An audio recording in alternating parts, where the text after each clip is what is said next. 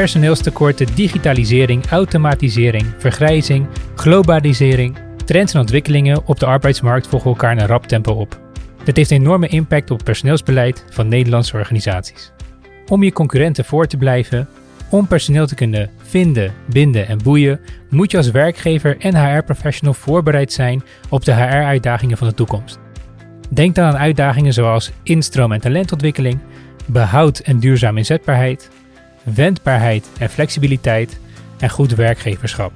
Daar gaan we het over hebben in deze podcast. Het maakt niet uit of je nou onderdeel bent van een corporate, een multinational of van een MKB-bedrijf. Wij gaan op zoek naar trends en ontwikkelingen. Daarna bespreken we de impact van deze ontwikkelingen. En tot slot behandelen we praktische tips en handvatten waar je morgen direct mee aan de slag kunt om jouw personeelsbeleid toekomstbestendig te maken en zo te houden. Kortom, wat is strategisch personeelsbeleid en hoe ga je daar als bedrijf mee om? Aan tafel zitten ikzelf, mijn naam is Misha German, ik ben verantwoordelijk voor innovatie en productontwikkeling bij Evo Venedex. Ik ben de host en ik kijk ook door de ogen van een leek uh, tijdens deze gesprekken. Naast mij zit Guido. Ja, ik ben oprichter van Effectory en wij helpen organisaties uh, beter te worden, succesvoller te worden door ze te laten luisteren naar hun eigen mensen. En ik ben ook vergezeld door Manu. Ik ben Manu Azoulay, ik ben beleidsadviseur bij Evo Venedex en ik hou me bezig met de Human Capital Agenda. Je luistert naar de Mens en Werk podcast van Evo Venedex, een samenwerking tussen Evo Venedex en The Factory, Europees marktleider in employee listening. Vandaag gaan we het hebben over wendbaarheid en flexibiliteit. Zoals altijd even wat achtergrondinformatie. We bevinden ons in roerige tijden. Meer dan ooit is disruptie aan de orde van de dag. Door corona, maar ook uh, structureel door trends als verduurzaming, digitalisering en robotisering. Snelle wijzigingen in wet en regelgeving en nieuwe toetreders die je businessmodel zomaar ineens op zijn kop zetten. En meer dan ooit vraagt dat van jou als organisatie en jou als individu om wendbaar te zijn, jezelf te transformeren naar een nieuwe realiteit en opnieuw te kijken naar alles wat gisteren nog een zekerheid was. Nou, uh, het is een stukje poëzie, dit stukje achtergrond. Hoe kijk jij ernaar? Nou, als ik kijk naar wat er bijvoorbeeld uh, gebeurde tijdens de coronacrisis, waren er ondernemers die vrij snel wendbaar bleken te zijn, die, die hun uh, businessmodel snel wisten om te gooien, hun werknemers op een andere manier konden inzetten en op die manier toch uh, door konden blijven gaan. ik denk dan bijvoorbeeld aan een schoonmaakbedrijf, waar wat normaal gesproken heel veel medewerkers aan de slag heeft in horeca of in horecavoorzieningen. Die werden allemaal gesloten. Die werden heel snel omgeschoold en getraind richting een, een schoonmaakfunctie in een ziekenhuis. En daar waren ze meer dan welkom. Dus op die manier kun je kijken naar, hè, als voorbeeld, hoe, hoe snel zijn je mensen daarin wendbaar, maar ook hoe snel kan je als organisatie om nou ja, je bewegen en flexibel zijn. Ja, en dat is, dat is korte termijn wendbaarheid. Hè? Dus als er acuut iets, iets gebeurt, zoals zo'n corona-event, je hebt ook zeg maar lange termijn wendbaarheid. En dat is dat je dus eigenlijk kijkt van goh, hoe ontwikkelen de techniek zich, hoe ontwikkelen robotisering zich. Bijvoorbeeld zelf, zelfrijdende of zelfsturende auto's, trucks. Mm. Welke kant gaat het op? met machines, met hulpmiddelen om te lokaliseren waar, waar goederen zijn, et cetera. Dus welke kant gaat het op? En dat je dus, dus, dus, dus ervoor zorgt dat je organisatie die veranderingen aan kan en, en, en eigenlijk fit is voor de, voor de toekomst. En wat me daarin opvalt, is dat, ja, dan wil ik toch eigenlijk over reorganisaties hebben. Want ja, volgens mij is dat, is dat ontzettend uh, zonde dat bedrijven reorganiseren. en laatst vertelde iemand mij, vond ik wel een heel interessant verhaal. Die zei op het moment dat je continu verandert, en je continu aanpast aan je omgeving, hoef je niet te reorganiseren. En reorganiseren kun je eigenlijk zien als een aardbeving. Je hebt twee aardplaten en daar ontstaat druk op. En de ene aardplaat is wat je doet. En de andere aardplaat is uh, wat er van je verwacht wordt als organisatie. En stel je voor dat je niet verandert. Hè, en dan bouwt dat druk op, want de, omgeving verandert, de wensen van klanten veranderen, maar jij zelf als organisatie verandert niet. En die druk bouwt zich op en op een bepaald moment red je het niet meer en dan red je het alleen maar met een reorganisatie. En de reorganisatie zorgt in de regel voor veel slachtoffers. Uh, vertrouwen van mensen, er worden vallen ontslagen, de hele organisatie wordt, wordt, wordt omgegooid. En dat is ontzettend zonde. Terwijl op het moment dat je continu in de gaten hebt van oké, hoe verandert de omgeving zich? Hoe veranderen klanten zich? Hoe veranderen de wensen van onze medewerkers zich? En wij passen ons daar als organisatie op aan dan ben je continu in verandering en hoef je nooit te reorganiseren. Nou, dat, vind ik, dat vind ik heel mooi. En dat betekent niet dat je medewerkers gek moet draaien met continue aanpassingen en veranderingen, maar dat je medewerkers mee moet nemen in de aanpassingen die nodig zijn om de organisatie gezond te houden. Ja, interessant concept met, dat, uh, met die platen en dan zo'n aardbeving-analogie. En wat bedoelen dan precies te zeggen een wendbare personeelsbeleid? Nou ja, kijk, de, de, de wendbaarheid is, is absoluut uh, uh, nummer één strategische issue in de, in de directiekamer. En dat heeft alles te maken met technologie. De organisaties leunen steeds meer op technologie, worden steeds technologischer, technologie verandert. En daardoor ontstaat de kans voor organisaties om volledig irrelevant te worden. Dus eigenlijk uh, ja, gewoon geen toegevoegd waarde meer te leveren. En dat heeft helemaal niks te maken met die organisatie zelf. Dat heeft te maken met de omgeving. Dus op het moment dat je concurrent inspeelt op iets waar jij niet op inspeelt, wat een grote hit is, dan leg je het gewoon af als organisatie. En dat is de grootste angst uh, op dit moment binnen, binnen directiekamers. En wat die dan vaak zeggen, is van ja, ik zou willen dat mijn personeel ondernemender is of zo. Hè? Of dat we innovatiever zijn als organisatie. Nou, dat begint natuurlijk daar. En dat begint natuurlijk door ja, uh, uh, ja, medewerkers mee te nemen in de verandering. En te, en te zorgen dat je dus wendbaar bent. Dus dat je je continu aanpast aan wat, wat nodig is. Ik kan, ja, ik kan ook nog een andere uh, interpretatie van wendbaarheid geven. Die misschien ook nog wel aardig is als het gaat om duurzaam in, wendbaar zijn als organisatie. Um, ik denk dat je binnen logistieke bedrijven, hè, bedrijven met logistieke processen, te maken hebt met een behoorlijk dwingende klantvraag. Als je kijkt naar pakketjes die besteld kunnen worden, dan kan het zomaar zijn dat er vandaag één tv wordt besteld en misschien morgen duizend. Dus er is altijd een bepaalde structurele behoefte aan flexibiliteit, die elk moment van de dag uh, van je organisatie uh, vereist kan uh, worden. En dan moet je heel snel kunnen opschalen of afschalen in je personele bezetting. Ik denk dat het tot nu toe snel vanuit een reflex dan naar een flexschil wordt gegrepen. Dus we moeten snel opschalen via het uitzendbureau. Maar dat maakt ook dat je eigenlijk elke keer weer kind en badwater weggooit op het moment dat je weer gaat afschalen. Ik heb wel eens gesproken met de directeur van uh, de ABU, uh, de, de, uh, of de voorzitter van de, van de ABU, de, de branchevereniging voor de uitzendorganisaties. en die noemde het de klapstoelmetafoor. We zetten de uitzendkracht neer als een klapstoeltje en klappen hem weer in op het moment dat we hem niet nodig hebben. En zo wordt er heel veel met klapstoeltjes gewerkt binnen deze sector. Het is gewoon inherent aan de sectors, niets verkeerds aan. Maar je kunt wel kijken als we dit op een structureel duurzame manier willen gaan oppakken. Hoe kunnen we dat dan veranderen zodat het, nou ja, voor die werknemer misschien wel waardevoller is wat hij doet en we ook uh, meer waarderen wat hij doet uh, een bepaalde zekerheid van inkomsten bijvoorbeeld weten te bieden. Uh, en, en daarmee ook toegang tot allerlei voorzieningen. Denk aan die hypotheek bijvoorbeeld. In Nederland is het hele stelsel gebouwd rondom die inkomenszekerheid. Dus hoe kan je daar dan voor zorgen? Um, dus daar, dat zijn wel factoren waar je als werkgever best eens bewuster mee bezig kunt zijn.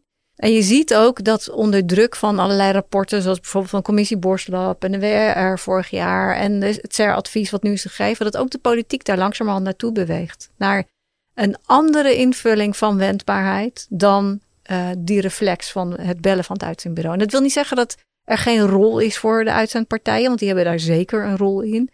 Maar het gesprek aangaan met hem om te kijken hoe kunnen we dit nou duurzamer doen en zorgen dat we mensen behouden. Misschien tijdelijk uitlenen naar een andere inlener en wat meer samenwerken in die regio met elkaar. Bijvoorbeeld met collegiale uit- en inleen. Zou ook al eh, heel goed kunnen helpen. Ik weet van bedrijven dat ze bijvoorbeeld werken met een urenbank. Dus uh, mensen krijgen dan gegarandeerd, uitzendkrachten krijgen gegarandeerd 30 uur in de week uh, zekerheid dat ze werk hebben. En die andere uren, als ze die nog willen werken, want dat is soms nog wel eens de vraag. Maar als ze meer willen werken, dan worden ze door dat uitzendbureau ingepland bij een ander bedrijf. Op die manier hebben de mensen wel inkomenszekerheid voor minimaal 30 uur per week. Bij de vaste medewerkers doen ze dat net zo. Schrijven de mensen de extra uren op en die kunnen ze op een ander moment weer over opnemen als, uh, als er uh, een, uh, nou, een, een, dal is in de piek, of hoe je dat ook mag noemen.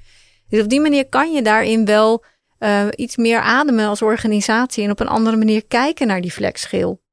En zorgen dat je dus ook de kennis weet te behouden en de vaardigheden die die mensen hebben opgebouwd binnen jouw organisatie. En, en bij wie ligt dan de verantwoordelijkheid? Is dat, eh, ligt dat bij die flex uit zijn bureau? Moeten zij dat maar goed regelen? Nee, ik denk dat je met elkaar een soort van symbiose aangaat waarin je gaat zoeken naar wat werkt. En, uh, en je moet daar wel een partner in zien te vinden die daar op dezelfde manier in zit als jij als uh, werkgever, denk ik. Maar het gaat, ja, het gaat wel om een uh, goede samenwerking. In het bedrijf wat ik, hè, het voorbeeld wat ik aanhaal, is ook de planning in handen van zo'n uitzendbureau. Dus je ziet dat die rol ook verschuift. Dat het niet meer sec alleen maar gaat om het, het voorzien in een behoefte die nu acuut is.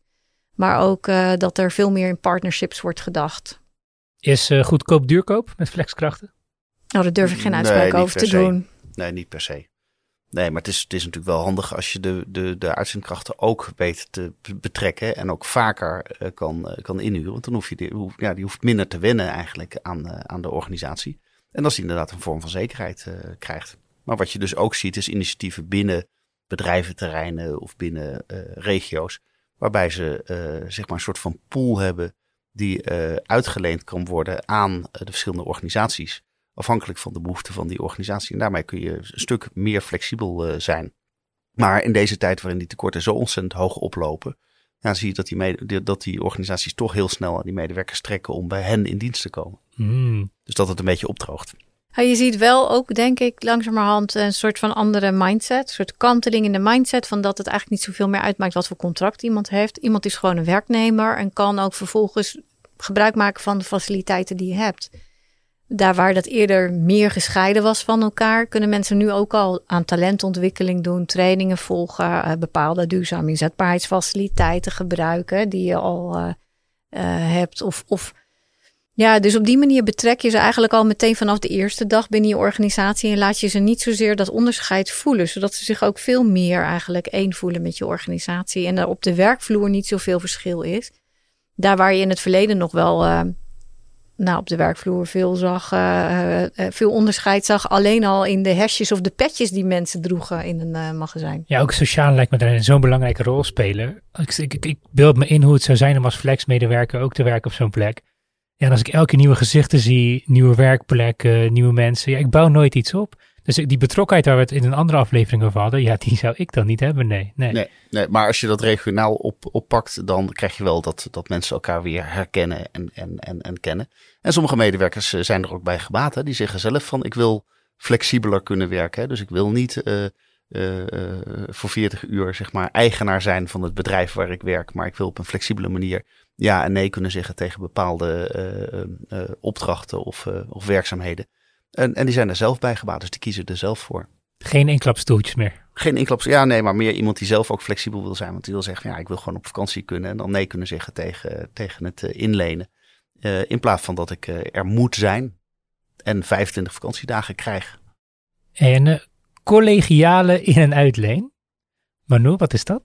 Nou, dat is dat je eigenlijk uh, kijkt naar uh, uh, een piek. Als je op dit moment een piek hebt binnen je productie of in je bezetting en je hebt mensen nodig, dat je tijdelijk mensen inleent die van een ander bedrijf. Een, een, ja, dus dat je collegiaal mensen uitwisselt. dat mag volgens de wet, zolang je dat maar doet zonder winstoogmerk. maar er mogen vaste mensen zijn die je bij elkaar ja. Leent. Oké. Okay. Ja, ongeacht het contract. Het mag ook iemand zijn met een nul uren contract je, je mag dan, hè, als de medewerker daarmee instemt, dat is natuurlijk wel een voorwaarde, dat diegene dat ook ziet zitten, dat hij dezelfde Mag je aan verdienen? De medewerker niet. Nee, de werkgever. Nou, de werkgever. Nou, je mag er een hele kleine plus op zetten voor bijvoorbeeld administratieve handelingen. Maar dat moet je wel, als er inzage wordt gevraagd door de Belastingdienst, moet je dat kunnen verantwoorden waarom je dat plusje Je kan niet als een uitzendbureau 30% bovenop Nee, maar je betaalt als werkgever nog wel steeds loon bijvoorbeeld. En je mag, op het moment dat je als uitzendbureau aan de slag gaat, dan moet je dat laten registreren bij de Kamer van Koophandel mm. als activiteit van jouw bedrijf. En dat willen de meeste bedrijven niet. Uh, maar je, je, mag dus tijdelijk collegiaal mensen bij elkaar in en uitlenen. Ik denk echt dat daar een uh, oplossing zit voor het opvangen van tijdelijke pieken. Daar waar je uh, elkaar aanvult in die pieken. denk bijvoorbeeld een bedrijf wat tuinmeubelen verkoopt of een bedrijf wat schaatsen verkoopt. Mm. Die hebben in een seizoen andere pieken en die kunnen best tijdelijk met elkaar uitwisselen. En soms is dat ook heel erg leuk. Sommige medewerkers vinden dat ook heel erg leuk. Win-win. Iedereen wint eigenlijk. Absoluut. Ja. Jij ziet het ook terug uh, Nou, we, ja, wij, wij zien die mensen. Uh, ja, we, doen onderzoek bij organisaties, zeg maar. En de mensen die uh, ingeleend zijn, of uitzendkrachten zijn, of vrijwilliger zijn van de organisatie, nemen we in de regel wel mee. Van hoe ze er tegenaan kijken. Want juist die mensen kunnen een hele frisse blik hebben op wat er handiger, beter en, en, en sneller kan. En de kunst is natuurlijk dat die mensen zich even betrokken voelen bij de organisatie. als de mensen die daarin in vaste diensten werken. Uh, en we zien dat organisaties daar in de regel echt wel heel erg goed mee omgaan. Die zeggen van de medewerker is een medewerker. En het maakt eigenlijk niet uit of die ja, gemiddeld 12 uur voor ons werkt of 40 uur voor ons werkt. We, we behandelen die persoon als, uh, als volwaardig. Of die ervoor betaald krijgt of niet. En ik, eh, dat, dat gaat eigenlijk best wel heel goed. En zelfs bij vrijwilligers zien we dat de betrokkenheid nog hoger is dan bij de vaste medewerkers. Dus dat is wel uh, heel Oh, dat is interessant. Ja. Wat is de reden daarvoor?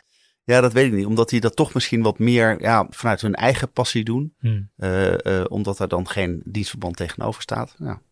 ja, ik vraag me ook altijd af zeg maar, of vrijwilligers niet ook meer op andere manieren verwend worden. Omdat ze geen financiële vergoeding krijgen. Misschien krijgen ze andere beloningen die we niet zo snel zien of voelen. Ja, ja weet die krijgen wel misschien heel veel waardering, ja. Maar hoe maken we dit dan structureel en strategisch? Dus je kijkt naar flexibiliteit, je kijkt naar heftige uh, ja, dingen die tussenkomen, zoals corona bijvoorbeeld. Maar nu ben je een HR-beleid aan het maken of een bedrijfsbeleid aan het maken en die duurt voor de komende vijf jaar weer. Hoe kan je hier structureel mee omgaan? Ja, ik denk dat, je, dat het goed is om te kijken van wat wil je als organisatie. Hè? Dus wil je groeien, wil je inkrimpen, wil je bepaalde uh, uh, rollen inzetten. Uh, en wat is de piekbelasting en wat is de, de laagste belasting? En, en dat je daar dus zegt van nou, ik wil bijvoorbeeld iets meer dan mijn gemiddelde belasting wil ik hebben. Dan betekent dat er soms wat mensen op de bank zitten uh, en dat sta ik toe, hè, want uh, uh, iemand tekort is, is gewoon een direct verlies. En iemand te veel, ja, dat kost me een beetje extra. ja, het is belangrijk dat je daar een soort wat langere termijn planning voor maakt. En ook als je ziet hoe rollen veranderen, hè, het wordt technologischer. Mensen moeten meer met technische hulpmiddelen gaan werken.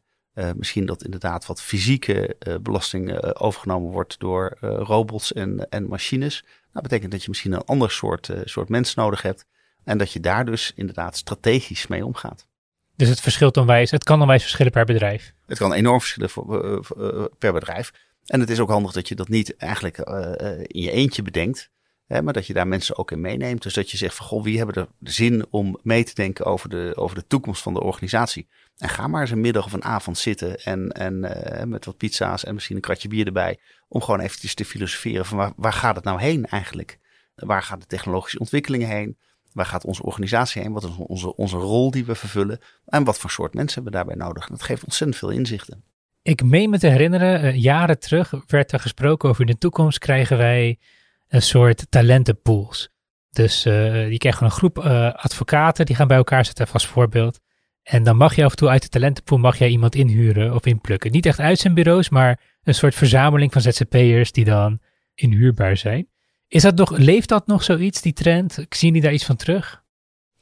Ik zie daar niet, niet direct iets, uh, iets van terug. Uh, ik zie dat dat zelfs meer uh, een soort van krabbenmand uh, wordt van wie krijgt dan de, mooiste, de mooiste opdrachten. Dus ik zie dat, ik zie dat zelf niet, niet direct gebeuren. ik zie wel dat het allemaal wat flexibeler wordt. Hè? Dus dat een heleboel bedrijven zeggen van oké, maar wat is, de, wat is mijn kernbusiness? En alles wat niet tot mijn kernbusiness behoort, daar hoef ik op zich geen medewerkers voor aan te nemen. Daar heb ik een partner voor waar ik, waar ik zaken mee doe. Dat kan een ZZP'er zijn of dat kan een bureau zijn. Maar die partner ga ik wel gebruiken of inzetten alsof het uh, een medewerker is. Dus die ga ik op dezelfde manier betrekken. Die ga ik ook uitnodigen voor personeelsfeestjes, oh, et cetera. En dan krijg je dus toch wel die betrokkenheid. Uh, terwijl de, de, de, de arbeid eigenlijk feitelijk ergens anders geleverd wordt. En, die, en dat extra wat het, wat het kost omdat het flexibeler is. Ja, dat krijg je ook terug omdat je uh, die persoon niet hoeft te betalen als het even niet nodig is. Oh, dat vind ik heel interessant. En wat is dan de rol van HR? Dus stel je voor, jij uh, zit in een organisatie en er is zo'n partner die het ondersteunt bij bepaalde activiteiten. Wat is dan jouw rol vanuit HR bedacht? Nou, dat is in feite uh, uh, die mensen even volwaardig zich lid laten voelen van de organisatie. En inderdaad, bij alles wat er gebeurt, te bedenken van oké, hoe kunnen we die mensen ook betrekken? Dus niet van, oh ja, die slaan we even over of dat kost alleen maar geld of zo. Maar, maar hoe kunnen we die ook betrekken bij de organisatie? En uh, ja, je krijgt daar ook wel heel veel meer commitment voor terug. En ook dat mensen gewoon graag bij werken. Hetzelfde geldt voor ZZP'ers. Organisaties die denken van nou, het is een, die het zien als klant-leverancierrelatie. en dan zeggen we, nou ja, oké, maar we betalen onze leveranciers ja, pas na 60 dagen of na, na 45 dagen. Ja, die zijn slechter af dan een organisatie die zegt, oké, okay, ZZP'er is iemand een soort medewerker. Er komt een declaratie binnen en binnen twee dagen is die betaald. Ja, die ZZP'er die gaat liever aan de slag voor, voor, voor, voor die laatste organisatie. Ja, en dan, en dan heb je het wel slim voor elkaar. Het kost, ja, het kost een klein beetje rente misschien, maar ja, rente is tegenwoordig ook nul. Uh, maar gewoon op een andere manier denken van hoe ga je om met flexibele, flexibele inleen. Ik, denk, ik kan hem wel aanvullen. Ik denk ook dat, even aanvullend op wat Guido zegt, dat het belangrijk is dat je je blik naar buiten werpt als organisatie. Dat je open staat voor de veranderingen die je om je heen ziet. En dat je de vertaalslag weet te maken naar je interne organisatie. en, en dat je dus op die manier de hele organisatie meeneemt in die veranderingen die er allemaal plaatsvinden en daar op tijd op anticipeert, dan ben je een wendbare organisatie. Dat heeft te maken met, met een stuk leercultuur binnen een organisatie en de openheid die daar binnen uh, mogelijk is, waarin iedereen zich ook vrij voelt om, om uh, te praten over dit soort ontwikkelingen die er zijn en zich niet zozeer bedreigd voelt in zijn eigen rol of functie die hij heeft, maar daar juist kansen in ziet om zich te ontwikkelen en nieuwe vaardigheden aan te leren. We hebben het al eerder even in een andere podcast gehad over competenties en uh, vaardigheden. Ik denk ook dat je daar veel meer aandacht voor gaat krijgen als je aan een wendbare organisatie werkt. Dat je veel beter in beeld hebt van waar wil ik de organisatie naartoe hebben, welke mensen horen daarbij en welke vaardigheden hebben ze. En waar zit een manco en wat kunnen we daaraan doen? Bijvoorbeeld digitale vaardigheden. Iedereen moet nu gaan werken met een iPad bijvoorbeeld op, uh, bij de klant. Nou, we gaan die mensen allemaal trainen om daarmee aan de slag te gaan. Dat kan onderdeel zijn van je strategie, om even een praktisch voorbeeld te noemen. Daar zeg je wel iets heel. Want we hebben, we hebben het heel veel over um, ja, waar ga je externe krachten vandaan halen eigenlijk. Maar misschien heb je wel binnen je eigen pool heel veel talent rondlopen dat ook flexibel inzetbaar is. Ook op andere afdelingen, binnen andere functies. Absoluut. Maar zo wordt volgens mij nu nog niet echt nagedacht. Of misschien begint dat nu wel te ontstaan hoor. Ja, zeker wel. Je hebt echt wel wendbaarheid uh, die je kunt organiseren in de organisatie van arbeid. Hè? Dus de arbeidsorganisatie die kan je op een andere manier inrichten. Bijvoorbeeld door meer uren te maken of op andere tijden te werken. Of in ploegen te gaan werken. Of uh, misschien ook wel in het weekend. Daarbij moet je natuurlijk wel kijken naar wat zijn de restricties die er in de CAO zijn afgesproken met de partijen. Maar het is wel goed om, om het kader in ieder geval te weten waarbinnen je kunt manoeuvreren. En ja, de opties daarin in ieder geval af te wegen. Oh, maar dan heb ik misschien een verkeerd beeld. Want als ik denk wendbaar, dan denk ik oké, even fictief. Pietje van marketing, die kan best wel een keertje, als Karel niet kan, een salesopdracht oppakken. Even als voorbeeld. Zo, zo extreem dat ook echt eh, afdelingskruisbestuiving plaatsvindt. Zien we dat ook? Ja, of binnen. Of, nou wat, wat, wat mooi is, uh, tenminste best practices die wij soms zien, is dat als medewerkers met elkaar praten over uh, wat vind ik nou mooi in mijn werk en waar baal ik van, dan komt het gewoon voor, uh, en ook vrij regelmatig, dat de medewerker zegt van, goh, ik, vind, ja, ik baal hiervan om dit te doen. Waarbij een andere medewerker zegt, dat vind ik juist leuk. Waarbij er op een gegeven moment een afspraak wordt gemaakt. Oké, dan ga je die werkzaamheden verrichten die, waar ik van baal. En ik neem dan weer dingen over die ik leuk vind van jouw werk. En uh, als, je die, die, als je daar met elkaar over in gesprek gaat en die werkverdeling ook anders maakt, ja, dat is ook een soort van flexibilisering. En mensen vinden het gewoon leuk, of tenminste veel mensen vinden het leuk om een stukje afwisseling te hebben in, in hun werk. En uh, ja, dat kan heel, heel nuttig zijn en heel plezierig voor mensen. Klinkt wederom als een win voor iedereen als je het goed organiseert. Als je het goed organiseert en je betrekt de mensen erbij, dan is het vaak, uh, vaak een win. Maar je hebt al gehoord, wendbaarheid is op meerdere manieren uh, ja. in te vullen binnen je organisatie. Je kunt ook nog kijken naar de, de arbeidsbeloning uh, en dat soort uh, dingen. Dus de arbeid, niet alleen de organisatie, maar ook de voorwaarden die je stelt, de toeslagen die je mensen geeft. Daar kan je ook nog. dus meer bonus als ze op rare uren werken, even heel plat geslagen? Of, Bijvoorbeeld. Ja. Of misschien op een andere manier belonen dan in uren. Zoals?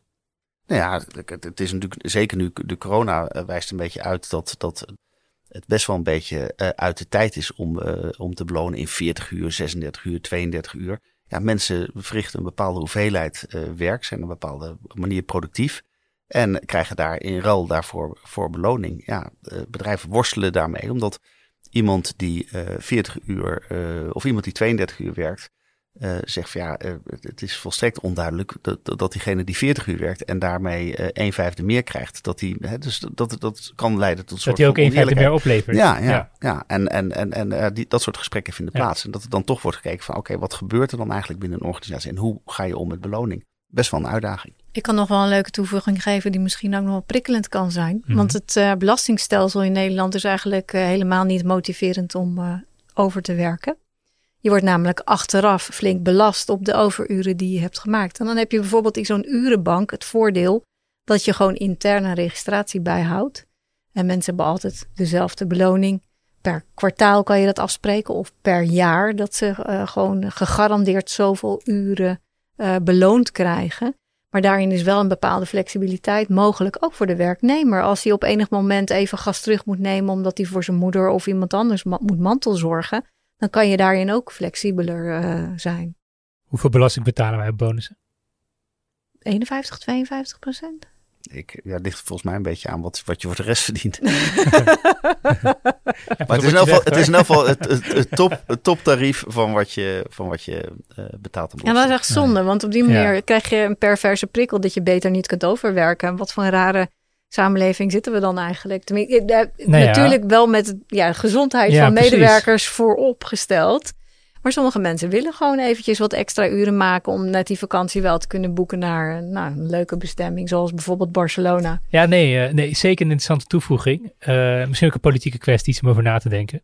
Ja, of hou het juist lekker buiten de politiek en laat uh, werkgevers en werknemers dat met elkaar afstemmen. Mm. Voor wendbaarheid en flexibiliteit hebben we nog andere zaken die we graag willen delen met de luisteraars. We hebben ook natuurlijk aardig wat behandeld. Ja, ik, ik denk uh, dat we wel... Ja, volgens mij hebben we het hele spectrum wel uh, ja. gehad, ja. Nou ja, top. Dan uh, sluiten we voor nu eventjes het onderwerp af. we zien u graag terug bij de volgende aflevering. En daarin gaan we het hebben over de geheimen van goed werkgeverschap. Het klinkt als clickbait, maar dat is het niet. Het zijn echt goede inzichten. Dus ik hoop jullie volgende keer terug te zien. En ik wil de mensen aan tafel bedanken voor, voor deze aflevering. Heb je vragen over deze aflevering of een van jouw HR-uitdagingen? Stel ze dan via evavenedex.nl slash mensenwerk of via de link in de beschrijving. Dankjewel voor het luisteren.